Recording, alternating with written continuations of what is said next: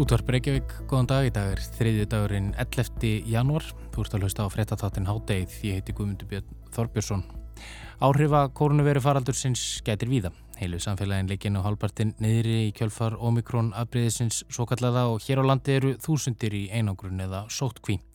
Um tíma lágu meira minna allar flugsamgöngur niðri og túrismi var í algjöru lámarki hluta ás 2020. Ferðamenn hafa verið einn helsta tekilind íslensku þjóðarinnar síðustu ár og því ljóstað áhrif kórnuverunar á ferðarþjónustuna hefur okkið stort skarði þjóðarbúið. En einhvað síður hafa ferðamenn gert sér ferð til Íslands og sumir eru hér meira að segja ennþá. Jóhannes Þór Skúlosson, frangöldstjóri samtaka ferðarþjónustunnar, lítur við í síðara hluta þáttarins og ræðir áhrif veirunar á ferðarþjónustuna, hvernig síðasta ár gekk og horfur í ferðarþjónustunni fyrir árið 2022.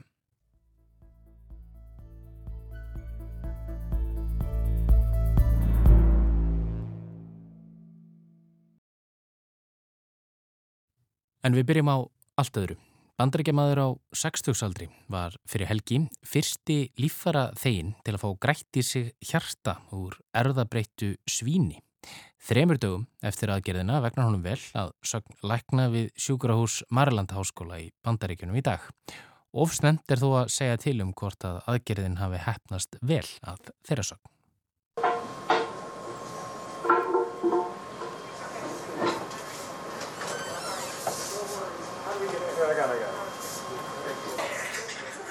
Við erum stött á Háskólasjúkurhúsinu í Baltimore í Marilandríki í Bandaríkunum. Hópur hilbriði starfsmanna gætir að hverju skrifi þegar þau flytja hjarta inn á skurðstofu. Hjarta ígræðsla er í þann mynd að fara að eiga sér stað en hún er þó heldur óvinnilegri en læknar sjúkurhúsins hafa hingað til átt að venjast. Þegar einn 57 ára gamli hjartasjúklingur, David Bennett, laðist undir nývin í vikunni, vissi hann að hann stæði fram með fyrir tveimur kostum. Annars vegar að vakna ekki á nýjan leik og þar að leiðandi degja.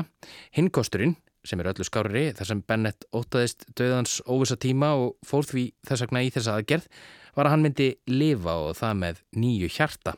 Hjarta ígræðslur eru ekki nýjar af nálinni, en það eru svinshjarta ígræðslur hins vegar. Já, þið heyrðu rétt. Læknar Vestanhafs grætu svinshjarta í David Bennett. Afsakið þetta rít sem þið heyri hér hlustendur góðir en ég varða að koma því að. Nei, svona hljómaði vist ekki svínið hvers hjarta liggur nú og slæri brjósti Davids Bennett því hjartað var úr erðabreittu svíni. Svíni sem leik aldrei lausum hala í svínastíu eða úti í guðskrætni náttúrunni heldur var ræktað í nákvæmlega þessum tilgangi. En þetta var vissulega alvöru svín. Í marga áratvíi hafa vísindamenn stemta því að nota líffæri úr öðrum dýrum til að bjerga lífum manna. Fyrir tilurinnir hafa allar misætnast þar sem líkamar sjúklinga hafa hafnað þeim.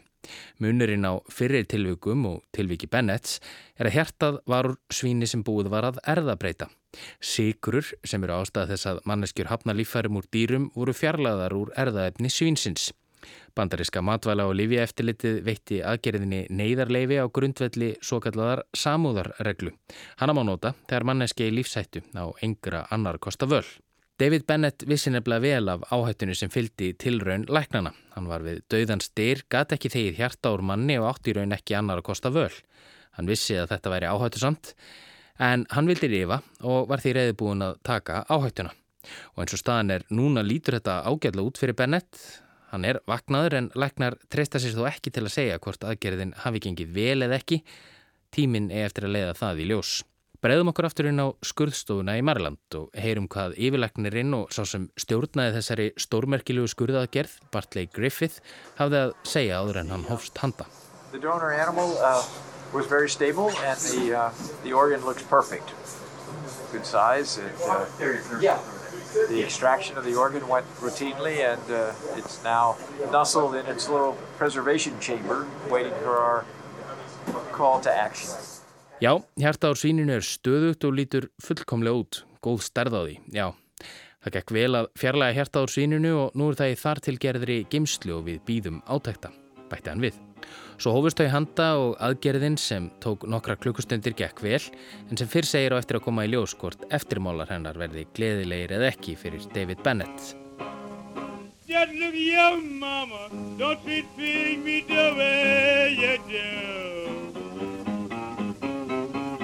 Oh.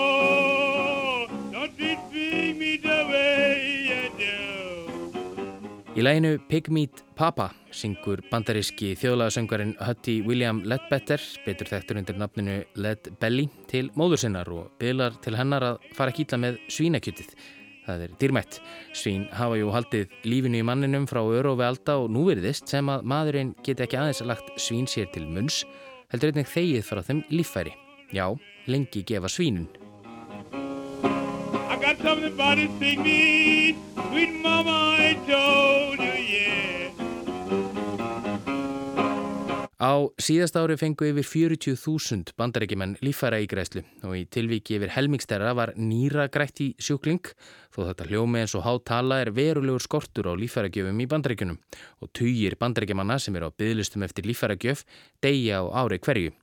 Hjörtu voru grætt í tæplega 4.000 bandarækjumenn á síðast ári, meira en nokkru sinni fyrr, en eftirspurnin er þó mun meiri en frambóðið. Það hefur leitt vísindamenn í áttað tilraunum með líffæri annara dýra. Mohamed Mohudin, yfirmaður vísindadeildar Marland Háskóla, sem sér um tilraunir á líffæragjöfum úr dýrum í menn, segir það að tryggja takmarkalust frambóð af líffærum fyrir þurfandi sjúklinga ef þessar tilraunir hefnast. En hvað fjekk hinn 57 ára gamla David Bennett til að taka þennan stóra séns? Heyrim aftur í læknunum Griffith. He simply didn't want to die, doesn't want to die. And um, he felt that if he had no opportunity, and he was pretty well convinced by multiple doctors who had told him he had a fatal disease and he was unlikely to leave the hospital because of it. Hann vildi einfallega ekki deyja, sagði Griffith læknir. Hann vill ekki deyja. Margir læknar hafðu sagt honum að hann væri með banvanan sjúkdóm og það veri mjög ólíklegt að hann myndi útskrifast af sjúkrahúsinu. With that as a background, as, as an alternative, he, he said to me two very important things. He said, I don't want to die. And he said, if I do, maybe you'll learn something to help others. Hann stóð frammi fyrir þessum veruleika og sagði þá við mig, ég vil ekki deyja, en ef ég dey, þá getur þú lært eitthvað sem getur hjálpað öðrum í leiðinni.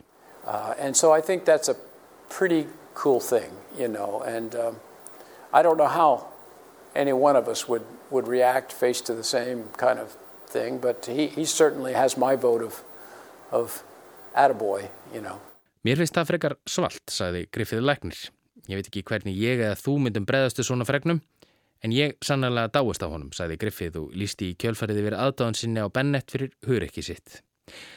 David Bennett er nú vaknaður með svíns hjarta í brjóstinu og við vonum að sjálfsögða að þessi aðgerð komi til með að reynast honum vel og að hann nái sér að fullu. I was born and raised in the country, mama, but I'm staying in town. In New York City, what I'm talking about.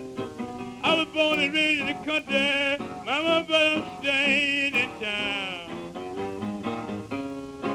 Ain't no reason to see me, mama, put my head on down.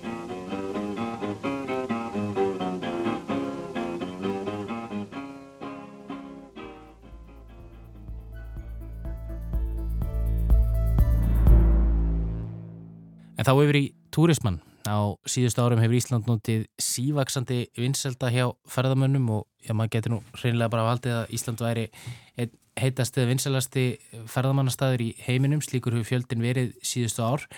En árið 2020 þá dróðust tekjur af erlendum ferðamönnum saman um 75% frá árinu á undan. Þannig að með 117 miljóriðum árið 2020 en 470 árið áður, árið fyrir heimsfaraldur tekjur af farþægaflutningum með flugi dróðast saman um 78%. En síðan þá hefur eitt og annað gerst. Við höfum oft haldið að þessi faraldur væri svona að renna sitt skeið en alltaf verist hann blossa upp á nýjanleik og nú síðast með Omikron afbreyðinu sem verist verið að leggja heilu samfélaginu á hliðina um þessar myndir.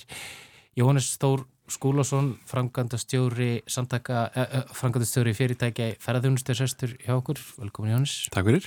Þú ert nýkomin af nýjárs málstofu ferðarþjónustunar. Já. Eh, Þar tóku meðlanasti máls ja, Lili Alfredsdóttir ferðarmálar á þeirra og, og, og Aldís Afstænsdóttir formaði stjórnar sambands íslenska sveitafélag og fleiri góði gestir. Ég finn nú bara að spyrja þig, hvernig var hljóðið fólki? Var það þungt?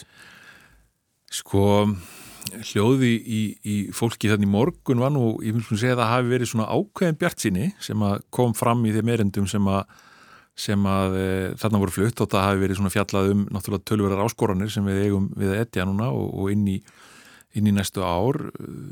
Þarna var farið yfir til dæmis e, svona efnahagsstöðuna inn í næsta og næstu tvö árin. Jón Björki Bentsson frá Íslandsbanka Ég var að fara yfir það. Við kynntum líka könnun sem við gerum í, í samstarfið Íslenska ferðarklassan á KPNG sem að það sem erum að spyrja fyrirtækin í rauninni hvað, hvaða áskoranir eru það sem við sjáum framöndan og, og hérna e, á næsta ára, á næstu 35 árum. Og, og það kemur svolítið fram að, að bæði eins og, eins og lesamátti í fjölmjölum í morgun að, að það er ríkir ákveðin bjart síni til lengri tíma um samkefnishæfni e, greinarinnar. Eða það er að segja Ísland sem áfangastadar og, og við sjáum kannski þess merki ekki síst í því að, að e, þrátt fyrir þennan faraldur og allt sem honum fylgir þá hefur Ísland sem áfangastadar svolítið haldið gildi sínu og, og, og viðveru á mörkuðunum. Það er ennþá tölvert mikill áhugi á Íslandi og við sjáum það að samkvæmt sumum mælingum eru við til dæmis í 10.11. sæti yfir áfangastadi sem að bandaríski markaðurinn hefur áhuga á að ferðast til að þessu loknu Um, það er svona ímsar vísbendingar þannig að, að við séum nokkuð sangjöfnishæf það þarf finnst verið að það hafa þar í huga að bæði, bæði um, komandi kjærasamningar og, og ekki síður náttúrulega bara þróun gengisins getur haft mikil áhrif á sangjöfnishæfina mm -hmm. og þess vegna þarf kannski að horfa til eins og hjá stjórnvöldum svona almennt til, til almenns rekstrar umhverjusgreinarinnar og ímins að þátta sem að við höfum til dæmis bent á í í uh, vegvísi um viðspilnu ferðarþjónustunum til 2025 sem við gáum út hjá samtökunum í mæ síðastlinum mm -hmm. um, og er á, á viðspilnan.is á, á vefnum. Það eru ímsar tilögur að ímsum aðgerðum í ellu flokkum sem hægt er að, hægt er að, að nota til þess að ebla þessa viðspilnu og koma þessu hraðar á stað. Um, en ég spyrði, Jónas, út í, mm. út í sko, hvernig síðasta ár væri ferðarþjónustunni, þá er ég kannski að spyrja hvaða áskoranir telja einmitt eh, fyrirtæki ferðarþjónustu? Núna framöndan. Vera framöndan. E, það er svolítið áhugavert að það, við höfum verið að gera þessa könnu núna í, í nokkur ár og það reyfist alltaf svolítið til hverjir áskoranir eru og núna þá er kannski mjög skýrt að helstu áskoranir sem fólk sér eða raðar þeim í svona mikilvægisröð eins og þessari könnun að þá eru það frambóð á flugi til landsins sem hefur mikið að gera með það hvernig við getum operera ferðarþjónustu hér á landi þannig að það skiptir gríðalög máli. Það eru kjærasamningarnir, hvað kemur út úr þeim hvernig, hvernig launathróunin verður í, í kjölfærið og kannski ekki síður hvort það hægt verður að breyta skeipulagi á vinnumarkanum eitthvað til dæmis hvort álaskreislum og vaktavinnu. Um, það er líka eh, mikið hort til þess hvernig markasetning uh, verður, hvort að markasetningar áttakinu verður haldið áfram af, af miklum krafti. Uh, það skiptir fólk miklu máli. Nú við sjáum það líka að það hefur reysið mjög í þessum samanbörði með að við síðustu ár e, starfsmannamál þar að segja fyrirtækin hafa áhyggjur af því hvort að þeim tekst að, að halda í þekkingu og starfsfólk með reynslu e, og hefni sem að hefur byggst upp á undarförnum árum en hefur orðið tölverðu spekileiki úr greininni núna e, á síðustu tveimur árum sem fólk hefur náttúrulega mist vinnuna, verið vil ítrekka sagt upp og er, er Íslandingarnir farnir í, í aðra vinnu. En teljið ekki að ef að færa þjónust að nærvotnum sínum aftur að þetta fólk snúti baka? Jú, við erum náttúrulega vonumst til þess en uh, við vitum það hins vegar að eftir því sem að svona ástand dregst á langin um, og fólk kemur sér betur fyrir í nýri vinnu, þá er náttúrulega kannski óleiklega að það fari til baka. Það er líka eðlegt að, að fólk vantreysti að einhverju leiti atvinnugrein þar sem því hefur kannski verið sagt upp þrísvar á tveggjára tímabili um, og, og vilji býða þanga til að það verður meiri stöðuleiki fyrir sjáanlegur þannig að þetta er eitthvað sem að kemur vonandi hægt og rólega tilbaka en, en þanga til verður náttúrulega manna þetta einhvern veginn og það þýðir að það er alveg líklegt á næstu árum og þá munum við þurfa að, að eins og kom nú fram uh, hjá greiningar aðalum núna fyrir skömmu að, að það verði þörfa á á nokkur þúsund, ég vil um 8000 uh, manns erlendu starfsfólki í greinni þegar þetta verður komið á staðatur og það má ég vil búast í að það verði heldur meira meiri þarf á erlendu starfsfólki í greinni vegna þess að íslenska starfsfólki er komið í önnur störf mm. og það býr til alls konar áskoranir líka til dæmis bara eins og varandi um, húsnæðisvanda á landsbyðinu og jafnvel hér í, á höfuborgarsvæðinu uh, orði þar sem að, að það er erfitt að fá uh, og jafnvel alveg ómögulegt á sumum stöðum uh, út á landi uh, og bara allt á mörgum húsnæði fyrir starfsfólk sem kemur alendis frá og hérna þannig að það er orðið í rauninni takmarkandi þáttur á þau gæðu þjónustu sem við getum getum veikt og það er náttúrulega mjög erfitt og eitthvað sem að bæði stjórnvöld og, og sveitafjölu en kannski sérstaklega þurfa að horfa svolítið til um varandi uppbygging og húsnaði í, í samhengi við aðtunugreina. Já, uh, varandi kjærasamlingar sem þú nefndir hérna, þeir eru lausir í höst og, og, og já, flestar aðtunugreina eru náttúrulega svolítið bara að halda að þessari höndum núna mm. og eiga undir að sækja. E, sjáu þið eitthvað sögurum til, til launahækkana í grinni? Ég held að það kom yngum og óvart að eftir tvö ár þar sem að að tekju streymi hefur verið nánast ekkert eða í algjöru lámarki og eh, skamtíma skuldir hafa sapnast upp þá, þá er sveigurum til launa hækkana lítið sem ekkert og, og ég held mér segja óhætt að segja bara ekki neitt uh, í, í ferðarþjónustu uh, það ætti ekki að koma neinum óvart en hins vegar þá náttúrulega eru kjærasamninga viðræður tækifæri til þess að fara í gegnum skipula kjærasamninga. Það, það er snúast um fleira heldur en krónur og auðra í umslægið. Það er snúast um til dæmis eins og ég nefndi skipulag e, á, á e, vakta og álaskreislum, skipulag vinnutíma og fleira. Í því geta aðelar vinnumarkaðinins náð held ég, trú ég, saman um, um skinsamlega breytingar sem geta komið öllum til góða. E, við höfum oft bent á Eh, munin á, á svona æmsu leiti á vinnumarkanum á Íslandi og skipulagi eh, vinnutíma eh, og heilda launagreysla miða við, miða við Norðurlöndin. Það er til og með skrýðarlegu munur á hlutfalli yfirvinn og álaskreysla hér á landi í heilda laununum miða við, við Norðurlöndin. Það munar, munar tæmlega 20% með að það er um beil held ég. Þannig að, að þar eru ímsir möguleikar á því að ná fram breytingum til framtíðar sem að geta bæði bætt stöðu launafólks til lengri tíma, jafnað munin á e, því sem dagunum fólk e, hérna í fullu starfi er að ná sér í, í launafumslæð og, og því sem að kannski unglingar í, í kvöld og helgavinir að ná sér í sem eru stundum orðnir sko launaherri heldur en fóldraðir að vinna í, í samskonar stöðum e, daginn inn og daginn út, þannig að það er ímislegt svona sérstakt á íslensku vinnumarkaði sem er hægt að, að skoða í, í kjærasamningun áfram breytingum á en, en beinar launahækkanir hvort sem það eru, eru krónutöluhækkanir og lægstulaun sem að lífskjærasamningarnir gerðu ágætlega og, og gengur út á nú eða þá prosentuhækkanir yfir allan skalan eru bara mjög, mjög erfiðar og í rauninni mikið áhugjaefni fyrir ferðarþjónustuna eins og hún staðan er í dag Emitt, eh, þá ætlum ég að spyrja Jóhannes út í, út í síðast ára. Þetta var verðurliti mjög skrítið ára. Við fengum eldgós, uh, svo kallar túristagós, mm -hmm. uh, fullkonum stað, ekki, ekki sérstaklega hættulegt, þetta var mjög fallett og allt það. Um tíma virtist sem við værum að komast út úr þessum faraldri, uh, ferðamörnum fór að fjölga. Hvernig, hvernig var þetta ári í ferðarþjónustunni með öllum þessum óvissum? Þetta er náttúrulega mjög sérstakt mál og, og eitt af því sem að Jón Bjarki frá Íslandsbanka var að sína fram á í morgun uh, í hvert fólk til þess að horfa á þessa fyrirlestra á það eru aðgengilegir á Facebook síðu SAF og voru nú í beitni útsending á vísi að menn vilja fletta þar upp uh, og fleiri stöðum hjá Íslenska ferðarklassanum og, og KPNG. Að, að sko hann var að síndi í rauninni graf það sem að sínir hvenar ferðamenninni koma og hvenar fjöldið að kemur og það er náttúrulega bara fyrstu þrýr til fjóri mánuður ársins bara tómir Þannig að þetta byrjar eh, svona í júni fyrir alvörunni og við erum með þetta fram í svona cirka september, oktober og svo svona fjara þetta rólega út. En haustið var e, svona þokkalegt. Á endanum voru við samt ekki að ná nema rétt um 700.000 eða tæpum 700.000 ferðamennum á árinu. Og þó ég tali um fjölda og við sem ofta tala um fjöldatölu þá er það verðmætin sem á endanum skipta máli. En, en, en e, e, og þar erum við að sjá að, að hver ferðamaður er að, er að verja heldur uh, stærri fjárhæðum hér á landi áfangastanum heldur en, heldur en e, verið hefur og, og svo sem ymsar ástæður fyrir því bæði e, er minna um uh, ódýrt flug sem að fólk er að koma þá í steytri tíma og, og verja litlum penningum, meira ferðamönnum sem koma og hafa kannski eitt litlu í átjánu mánuði eða, eða tvö ára undan og, og er að gera aðeins betur við sig og svo framvegs en en þetta hefur náttúrulega skipt miklu máli þannig að verðmætin hafi ekki fallið jafn mikið og fjöldatöluðna segja til um, það er mjög gott. Mm hausti var líka betra heldur en, heldur en við vorum svona farin að óttast í, í byrjun ást þegar aftur voru settir á takmarkar á landamærunum.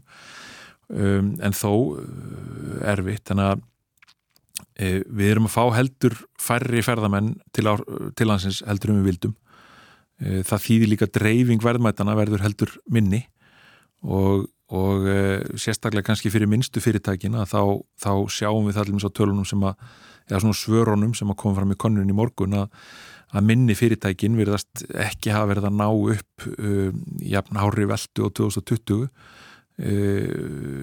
en svona meðalstærri meðalstór fyrirtæki frá, með veldu frá 500 miljónum upp í miljard, upp í miljard á ári, þeim hefur tekist að náði upp, þannig að þá sjáum við svona svolítið því kannski vísbendingum það hvernig dreifingin hefur verið. um, en það er hins vegar alveg ljóst að til þess að ferðarþjónustan á Íslandi sé farin að skila alvöru arði bæði til samfélagsins og til, til í rauninni til fyrirtækjana, þannig að fyrirtækin geti fyrir því eðlulegum rekstri, haldið upp í eðlugum fjölda starfsmanna, verið með gæði og, og þjónustu í lægi þá þurfum við að vera að horfa á verðmæti sem að svona vennilega ári kringum 1700.000 ferðamenn hafa verið að gefa okkur mm -hmm. um, ef að verðmætin hækka per ferðamann til langframa sem að við erum ekki vissum e, þá getur það verið, verið minni tala, skilur farið nýri í 1500.000 eitthvað slíkt en, en allt hangir þetta svona saman. Þetta segir okkur það að við erum ennþá, þó að þetta hafi tekið aðeins við sér e, á síðast ári,